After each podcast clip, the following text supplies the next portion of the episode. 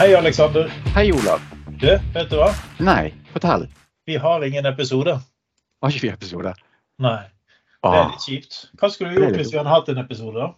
nei, da hadde vi vel sittet og redigert litt i Snegget Snagit, Camtasia og Audacity i noen timer. Og så hadde vi antageligvis fått eh, lytterne våre fornøyd en eh, lørdag til. Ja, ikke sant? Ja, Jeg tror også, Hadde vi hatt en episode, så hadde vi jo kanskje brukt den, den episoden vi, vi burde ha hatt til å snakke om eh, Windows 10 kontra Windows 11, f.eks.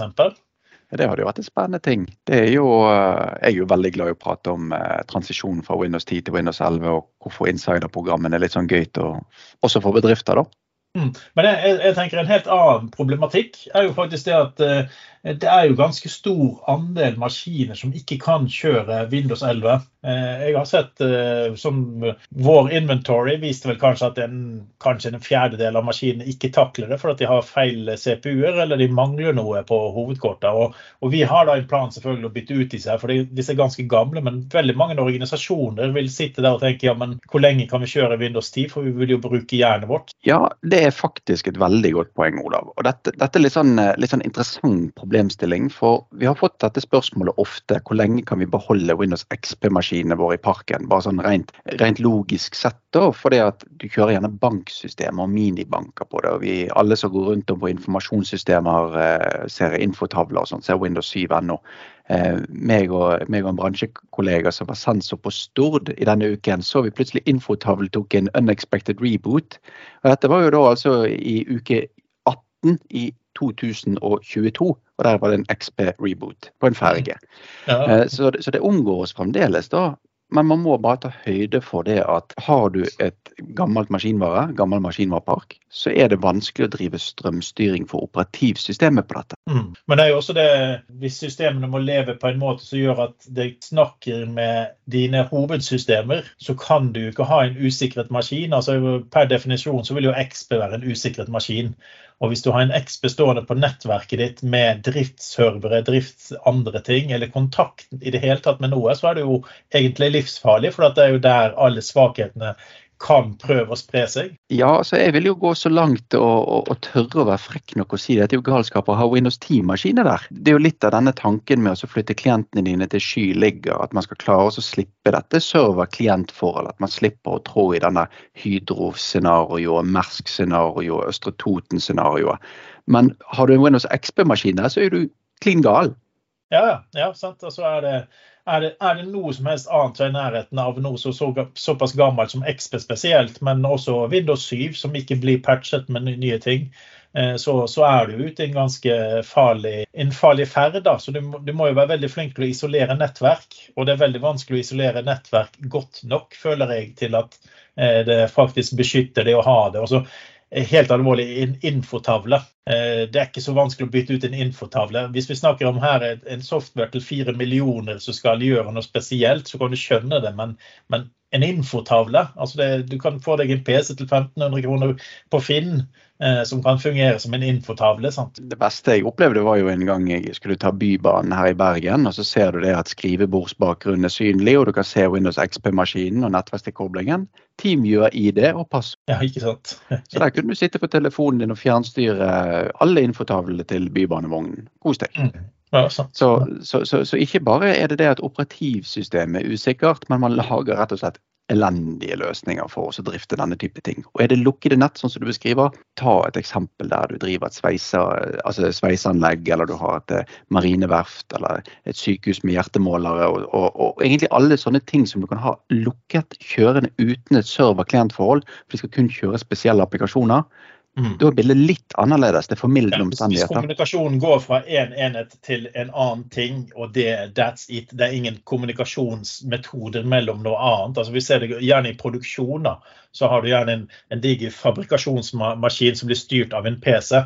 Eh, At den eh, ikke er med på det, er eh, for så vidt greit nok, men veldig mange har jo allikevel satt opp en remote access, en monitoreringsløsning eller et eller annet som gjør at du faktisk snakker med den allikevel. Vi vet jo det at skal du ha en ny røntgenmaskin eller MR-maskin, hjertemonitor eller uansett hva det er som er på et sykehus, så koster de flesk. Altså, du trenger liksom ikke å Vi snakker liksom med 4-5-17 Tesla liksom sånn i, i prisnivå. Og du har ikke lyst til å bytte den fordi at operativsystemet er utdatert. Nei, altså Kostnaden vil jo gå på noe annet. sant? Altså Hvis du, hvis du må plutselig bruke 25 millioner for å kjøpe eh, nytt utstyr, eh, mens det du har er egentlig like godt, det er bare operativsystemet som er utdatert, så vil du si, si, seg selv at de 25 millionene kunne vært fint brukt på noe annet. Så det er en ganske stor utfordring det med, med at man er litt locked inn på den type ting. Ja, og så er du da tilbake til det, til det spagatet. sant? Er det applikasjonen du skal bruke primært? Nå har vi jo vitset litt om infotavler. Alvorlig, har du en infotavle som kjører Windows 7 eller eldre, bytt den. Eh, mm. Men hvis du kjører særapplikasjoner som krever så gamle operativsystem, så er det en spesiell situasjon. Mm. Men når det kommer til maskinvarekrav, så har jo f.eks. Windows 11 kommet med et krav om minimum 1 gigas prosessor, to kjerner eller mer. Men det skal også være en åttende generasjons prosessor. Så om det AMD eller Intel åttende generasjons prosessor, så har den en strømstyringsinstruksjonssett som fungerer på en helt annen måte enn tidligere prosessorer. Så Derfor har man klart å få en cut, sånn at man har klarer å gi Windows 11 disse nye funksjonene. Da. Så det er liksom ikke bare å flytte ting bare fordi det er kjekt. Um, man må gjøre det for en grunn. Ja.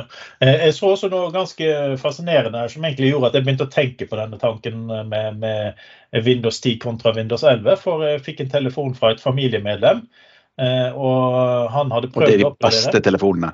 Ja, ikke sant. Det er alltid like kjekt. Eh, men han lurte da på om ja, maskinen vil ikke ta Windows 11. Sant? Og da tenkte jeg ja, men jeg vet jo at denne maskinen var satt opp ganske nylig. Han er ett og et halvt mot to år gammel.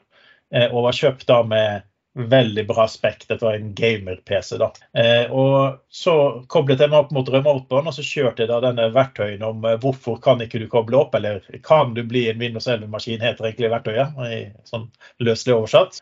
Og resultatet der viste faktisk at det var TPM-en som var problemet. Og så googlet jeg da det skjermkort, nei, unnskyld, ikke skjermkort, hovedkortet. Eh, og det Hovedkortet har TPM 2.0, og alt er perfekt og kan kjøre Windows 11. Men siden det er en gamer-PC med en annen fokus, så har de ikke slått det på. Så du må rett og slett bare inn i Biosen og slå på tjenestene. Eh, og jeg sjekket Asus som leverandør. De hadde veldig mange hovedkort hvor du måtte ha et ny Bios for å kunne enable Eh, TPM-en, eller at du måtte gå og slå det på. Men det var faktisk ganske mange kort som faktisk måtte ha en BIOS-oppgradering for å få lov å slå på noe som du allerede har på hovedkortet ditt. Så Det sier litt om hva er maskinen din utviklet til, og hva er den optimalisert for. Ja, for det at eh, man tenker jo liksom sånn, hva skal man aktivere i en Windows-PC? sant? Meg og deg er jo veldig glad i Hyper-V og virtualiseringsbasert sikkerhet, og Sandbox har vi pratet mye om. Realiteten er jo det at du har en liten penalty på prosessor og ytelse på det, sant? som gamere gjerne ikke er interessert i. Det samme gjelder TPM og BitLocker.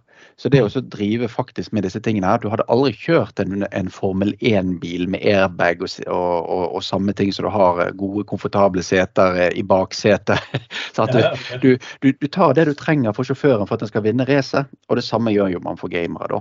Og mm. en, en, interessant ting var at når de offisielle kravene for Windows 11 ble lansert nå da, for rundt et års tid siden, så forsvant egentlig alt av TPM-er fra markedet i USA. For mange hovedkort har en socket som du kan sette i en fysisk TPM på. Mm. Og andre hovedkort så koster det gjerne ikke mer enn en, én til ti dollar å sette på en TPM. Så de har bare masseprodusert den, og så er det firmaet som bestemmer hvilket hovedkort som, som, som dette er blitt. da.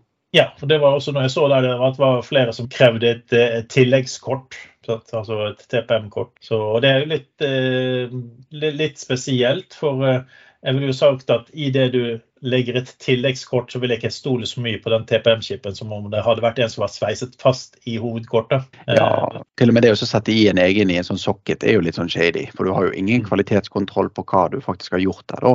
Men da Nei, har du, har, man... du har jo en pin du faktisk lettere kan koble noe annet til også. Altså et mellomlag, eller hva man skulle ønske å få inn på den. Ja, både PlayStation 1 og PlayStation 2 har jo blitt kjent for å bli utnyttet svakheter på denne måten her. Sant? At man kobler seg inn og er sånn man in the middle-opplegg der, da. Um, men uh, det, det, er et veldig godt poeng, og dette er jo noe av det vi skal snakke om når vi skal til, uh, til Skottland om en liten måned. Og mm. Noe av disse tingene som, som, vi snakker om, er jo det at nå finnes det et mellomlag som heter hovedkortet og, og chipsettet imellom prosessoren og lagringen. Så noe av det som arbeides med i mikroprosessorleverandørene, er å se om de klarer å flytte denne kryptografiprosessoren som TPM-en er, inn i selve sokken, altså prosessoren i seg selv. Eh, og For de som er interessert i det, så er det nyttig å se på Project Pluton fra Microsoft. Og så se om, se, se, følge med på den siste utviklingen på disse produktene. Da, for å se trenger man egentlig å fokusere på den eksterne TPM-en så veldig mye lenger.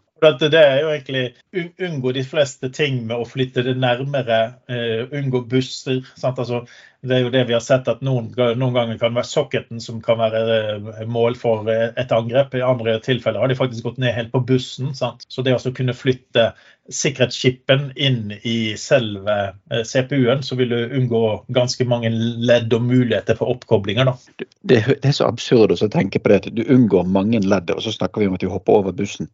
Ja, uh, det, det, det, Miljøpartiet De Grønne hadde blitt forbanna på oss når de hører at vi snakker om å skippe bussen. Altså her ja. rett på, på highwayen. Men da kan vi bare si det at vi bor i samme bygg som vi jobber, så vi trenger ikke buss. Ikke buss. en annen ting som kanskje kan være verdt å ta, ta, i når det kommer til Windows 10 til Windows 11. Eh, de aller fleste som lytter til podkasten, vil jeg anta at bruker Secure Boot. Ehm, da vil du istedenfor at du ser Windows-ikonet under oppstarten, og så disse prikkene eller ringene under som laster operativstemme, så vil du se produsenten av PC-en eller produsenten av hovedkortet sin logo, og så med disse ringene. da. Det som oftest det du egentlig vil, vil se det på. da.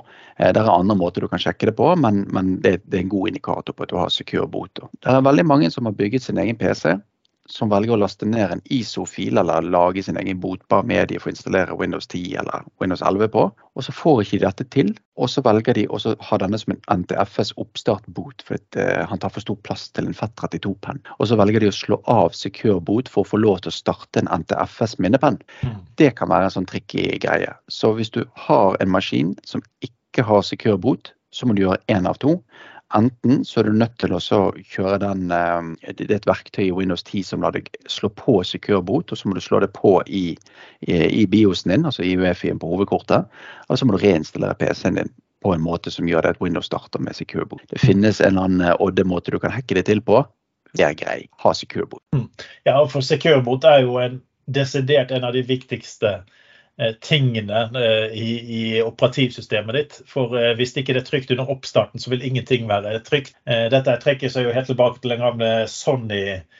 Sony CD-malveren som var i sin tid. Den lå så langt ned i boten på CD-en Eh, at det var ingen som oppdaget den, og den spredde seg faktisk videre. Det var jo ikke Sony som lagde den, men han kom på noen Sony-CD-er. Eh, og den la seg ned på firmwaren, på altså biosen på maskinen, eh, og endret filer som ble lastet opp, sånn at overvåkningssystemene dine fikk beskjed om at alt var i orden. Sant? Altså du Klarer du å ta rotsystemet ditt og modifisere det, Eh, så har du ingen kontroll på om antiviruset fungerer, for den blir bare fòret med den informasjonen du har lyst til å fòre den med. Sånn. Ja, og jeg syns vi kan sitere Ben Armstrong på det. Og de av dere som har lyttet til engelsk spesial spesialvår med Ben Armstrong, så sa han i, i 2019 det at for, for ikke så altfor mange år siden så var det verste du kunne få, det var et rootkit. At de klarte å ta kjernen på operativsystemet. Og kort oppsummert så sa han nå, nå har vi noe som er mye verre. Mm. og det å gå direkte på TPM-er og firmware, du vil, du vil egentlig ikke klare å oppdage det. sant? Om de, om de klarer å hacke software og firmware på nettverkskortet ditt. og sånn, Så du er nødt til å sørge for at det er kontroll på. altså. Mm. Og det er jo der secure-boten du vil faktisk oppdage at eh, det kommer ingen vei fordi at noen har, har modifisert noe i firmwaren din. Eh, et godt eksempel på det er det når du har fått en dårlig BIOS-oppgradering. Det skjer jo i ny og ne. Sant? Så mm. kjører du en BIOS-oppgradering, og den har glemt å risette bitlocker eh, og secure mot informasjonen din, eh, så klarer du ikke å starte opp. Sant? For at, jeg føler at her har det skjedd endringer det er ikke sikkert det er malvær, men det er endringer som ikke har annonsert seg. Som betyr at vi stoler ikke på eh, harddisken, vi stoler ikke på biosen. Altså typisk Du har vært inne i biosen og gjort noen endringer, nullstilt noen nøkler, så vil ikke du klare å bote opp uten å måtte gå i recovery-modus først. Og vi jo, trenger jo ikke gå lenger enn for mitt, for mitt tilfelle. da. I forgårs så plutselig sitter jeg på arbeidslaptopen min og får et varsel opp i, av Windows Notification-systemet om at det er noe som prøver å modifisere PC-en min da, og blir stoppet for tilgang på dette. Og Da viser det seg det at uh, uten å gi så altfor god beskjed, så skulle de implementere noe som, som jeg egentlig ikke så veldig, uh, har så veldig sånn positivt eller negativt forhold til. Bare informer om det. Absolute Software har en fin tracking-program eh, som gjør at hvis PC-ene blir stjålet, eller hvis det er noe som skjer med PC-en, så vil den ligge seg på firmware-nivå. Eh, og hvis du reinstallerer PC-en for å prøve å fjerne dette, her, så reinstallerer den seg selv. Problemet var at denne blir blokket av Windows pga. memory protection og control folder access. Mm. Så applikasjonen blir stoppet av disse tingene uten at man tok høyde for det. Mm. Men for å komme litt tilbake til det vi startet om med, eh, når i all verden kan vi forvente at vi ikke får oppdatert Windows 10-PC-en vår lenger? Kommer det nye bilder, kommer det nye patcher? Altså, hva, hva har vi å tenke? Hva, hva, hva er uh, mulighetene ute og går? Uff, her kommer det rett og slett litt an på hvilken versjon av Windows 10 du har. Eh, vi kan jo si det sånn, da.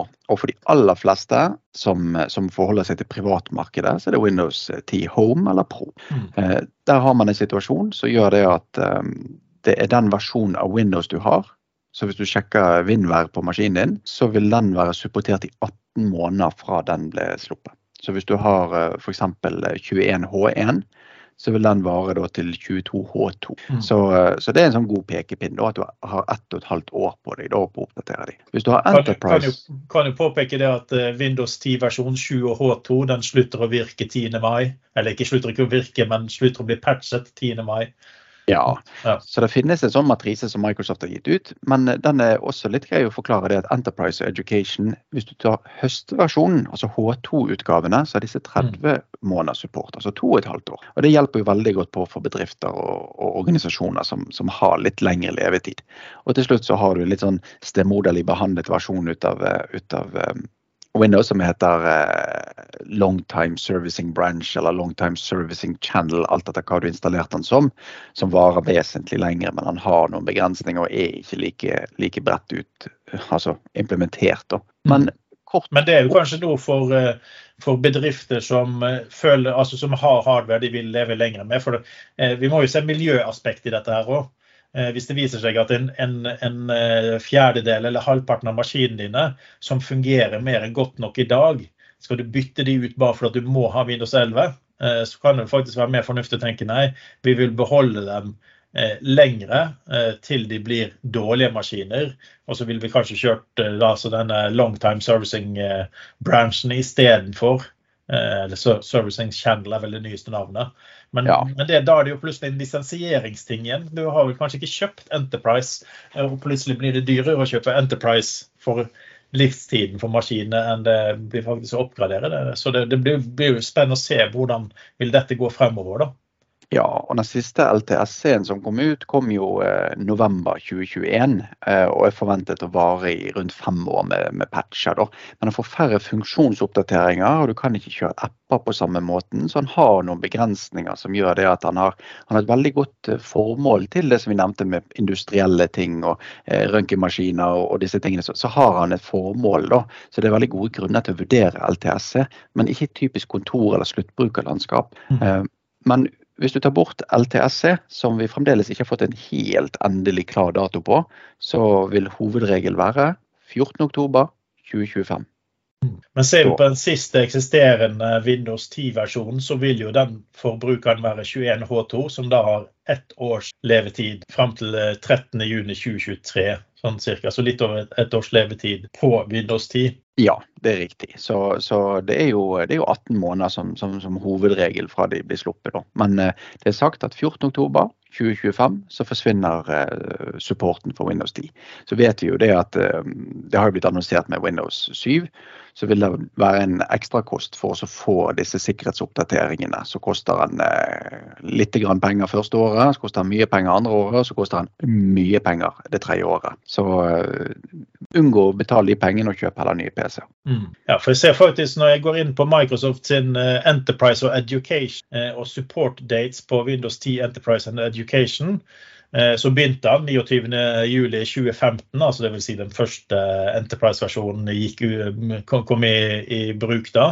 Men retirement date er faktisk 14.10.2025. Ja, så både Windows Home, Pro, Enterprise og Education forventet eh, altså 14.10.2025. Vi er mm. litt, eh, litt avventende på å få et endelig spiker på LTSC. da. Vi mm. antar at det ikke er så altfor langt ifra, men eh, det kan jo komme endringer. Mm. Ja, for det, det, jo som jeg sier, det er jo en veldig vanskelig valg. altså Folk vil jo helst eh, være patchet og oppdatert. Eh, men hvis ikke du kan kjøre Windows 11, så, så er det jo en miljømessig ting, føler jeg, da, som eh, bør være en god nok driver for at de, de, forlenger det. Men samtidig så må man jo være klar over at det du kjører på, bør jo være sikkert også. da, Så det er en sånn trade-off. Det, det, er jo en del sikkerhetsmekanismer som er bedre i Windows 11 enn i Windows 10. og og kanskje det kommer en helt ny teknologi som plutselig gjør at eh, det blir vanskelig å få den implementert i Windows 10. Da. Så. Ja, man, man, kan jo ta det samme løftet hvis man, eh, hvis man, tar utgangspunkt i hypotesen at det var veldig mange som valgte å investere i nye maskiner når de tok Windows 7 til 10-oppgraderingen, og ingen av de som de kjøpte inn i det løftet, støtta Windows 11. Så det er veldig surt å måtte ta det samme maskinvareløftet en gang til om da, tre år. Eh, så, så, man ser jo helt klart det at det er, litt sånn vanskeligheter. Men eh, vi, vi, har jo lenge fått høre det at Apple er veldig flink til dette her, at devicene lever veldig lenge. Men vi ser jo det at disse òg slutter å fungere etter eh, fire til seks år. Ja, vi ser jo på nettbrettene, den strukturen der er jo blitt det samme. at Før, før levde de lengre, men det kommer så mye mer krav til hva skal operativsystemet gjøre, hvordan skal det fungere osv. Så, videre. så vi ser at eh, selv der òg har det skjedd. Men, eh, men, jeg sitter og tenker her, vil vi, vil vi i 2025-tidsrammen vil vi se en økning av alternative operativsystemer, kanskje? Jeg tror vi egentlig vil se at folk bruker ting.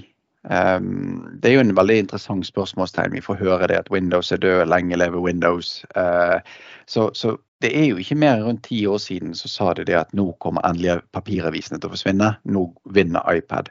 Og så ser man det at prismodell, hvordan apper blir tilgjengeliggjort, hvordan de tar betalt for tjenester i bakkant. Det er veldig mange variabler som er driverne her. Og, og jeg syns det er veldig fascinerende og spennende, for dette kan være en sånn liten rotvelt eh, i sin absolutt bokstaveligste form. Rotvelt i det at Windows får støtte for Android-apper. Mm. Eh, så strengt talt får man jo et helt nytt økosystem der man kan velge mellom Android på sin mobiltelefon eller Windows på sin desktop. Mm. Eh, det var jo med åttende generasjons eh, Intel-prosessor. Hvilket tidsaspekt snakker vi om da? Var det 2019? 2018-2019? Eh, der vil jo jeg bruke en eh, veldig fin referanse for, for, alle, og jeg anbefaler alle å bruke denne nettsiden. her, men Det er en som heter ark.intel.com. Eh, og Hvis du går inn på den nettsiden, så finner du oversikt på alle prosessorene som Intel har brukt. og Det finnes tilsvarende sider for, for AMD også. Men der kan du gå inn og så kan du se både hvilke fysiske spesifikasjoner som er i prosessorene, og, og om de har disse funksjonene som vil ha. Man får svare på spørsmålet ditt, Olav. Så kom eh, altså åttendegenerasjonsprosessorene, I7, de kom fra tidsaspektet tredje kvartal 17 til rundt uh, eh, 2019. Så de hadde en ganske lang levetid. Mm. Um, så det var jo selvfølgelig litt utvikling på de, men, uh, men 2018 er en veldig fin referanse å ta. da. Men jeg vil jo ha sagt at maskiner kjøpt i 2019 kan fortsatt være på åttende generasjons Intel-prosessor. For vi vet jo backloggen er jo ganske stor for noen produsenter. Så det er avhengig av hvor stor omsetning det har vært. Så du kan faktisk ha kjøpt deg et eh, Du kan faktisk, vil jeg tro, at du har kjøpt en maskin 2020 som også har inneholdt en åttende generasjon. For det er sånn typisk tilbudene der og der. Sånn. Ja, Nei, altså du kan si, si, eh, kan, kan si det til åttende generasjon som er støttet, da. Så du må unngå syvende generasjon. Uh, og syvende generasjonsprosessorer ja, syvende generasjonsprosessorer kom og forsvant sånn rundt 2017. Um, men det er fort det at en maskin du kjøpte i 2018 eller var veldig lagervare i 2019, kan ha, ha utfordringer der. Ja. Ja.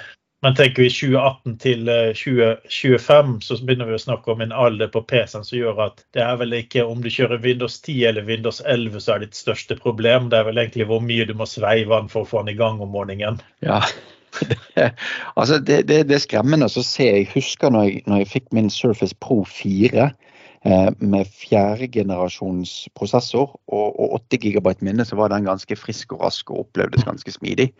Eh, og etter hvert så operativsystemene utvidet og de fikk flere funksjoner og det ble mer krav. Altså Vi ser jo det at du åpner en nettleser, du starter Teams. altså Det bruker jo en gigabyte minne. 8 GB RAM er for lite. Så en maskin kjøpt i 2017-18, den har gjort sin misjon, hvis ikke du gjør vesentlige oppgraderinger da i 2025. Ja. Men jeg vil jo tro, tro at eh, historisk sett eh, så vil man lukte en liten forlengelse på tampen av forlengelsen. Altså eh, gyldigheten på et eh, operativsystem har vi sett at eh, det er ofte en forespørsel i markedet som gjør at det gjerne får forlenget le levetid. Men man må jo sitte en dato. Den datoen bør være relativt realistisk. og Da vil jeg jo sagt oktober 2025 er ganske langt fram i tid, med tanke på at CPU da var eh, typisk produsert fram til 2018 og i salg ikke så veldig lenge etter. Eh, men, men, det vil allikevel dukke opp behov for uh, av diverse grunner. Det, for alt vi vet, så kan det være noe i den CPU-en som gjør at en storleverandør av noen maskiner eh, har faktisk behov for at det, dette er for leve, for dette utstyret utnytter noe i CPU-en som ikke var mulig nyere, f.eks. Ja, det er visstnok omtalt. Jeg har ikke sett den listen, men det er noen syvende generasjonsprosessorer som skal være støttet. Men, men, det er mm. unntak, ikke som hovedregel. Og Spørsmålet er jo da Ja, og de, de unntakene måtte du Det jeg leste om det, det var det at du, du, du, måtte skite det inn. altså Du måtte jukse det inn for å få Windows 11, men det vil virke. For at de har, de har fått de modifikasjonene som kreves. Men, eh, men det, det, var problemet er da at eh, sjekken vil ikke sjekke om om funksjonen er der. Den vil sjekke om CPU-en er riktig modell. Så, så, du kunne jukse det og få det inn, men hvis du jukser på feil maskin, så vil du bluescreene. Ja, så spørsmålet er jo da vil man heller risikere å se det at Windows 11 faktisk vil få en spesialbild, en, en begrenset versjon. Det tviler jeg på, men man kan det tenkes at det kommer en spesialbild som uh, støtter uh, litt eldre prosessortyper. da. Det kan jo tenkes. Men med, med, i hvert fall med litt trygghet så kan vi si at hvis du sitter i den verden at du ikke blir oppgradert til Windows 11, så er det fortsatt ikke et problem på tre, tre og et halvt år eh, før eh, du vil møte utfordringene på det.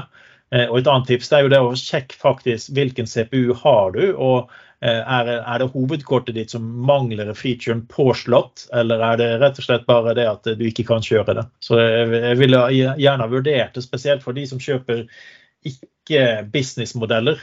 Eh, vil jeg i hvert fall ha vurdert og sjekket hvilken CPU-generasjon har jeg, og er det noe i, i, hovedkortet mitt som kan slås på for at Windows 11 skal være verifisert. Og Da, da kan du kjøre den der Windows 11-sjekk-toolen til Microsoft. Så, så, vil du da kunne få tilbakemeldinger om at uh, du har riktig CPU, men du har ikke TPM, f.eks. Sånn som jeg fikk da. Og så er det viktig, har du standardisert i bedriften din, så holder det med å sjekke én PC. For, for, da kan du mest sannsynligvis gjøre akkurat den samme leksen eh, på alle de andre også. Ja, så, men eh, jeg kjenner ikke mange som har standardisert så godt at de har én modell og én produksjonslinje. Men eh, ja, tanken er i hvert fall er at eh, har du en inventory av hardwaren din, så vet du i hvert fall hva som er aldersgenerasjonen. Eh, supportert på CPU-generasjoner, og så ser du alt som er eldre. Sant? Det var, var sånn vi gjorde det for å finne ut av tingene hos oss. Ja, men tilbake til det som egentlig var dagens problem. Hva gjør vi med at vi ikke har en episode klar? Nei, Det er jo utrolig synd at ikke vi ikke har en episode, for da kunne vi jo ha snakket om alt dette her. Ja, det var jo egentlig litt dumt, da. Så nei, vi får se om vi får en episode klar i løpet av en ukes tid, da. Ja, vet du hva, jeg, jeg tror vi putter dette her i to do-listen vår. At eh, dette her kunne vært en veldig bra episode. Så snakkes vi en annen gang. ikke sant? Ja, vi snakkes jo da. Ha det. Ha det.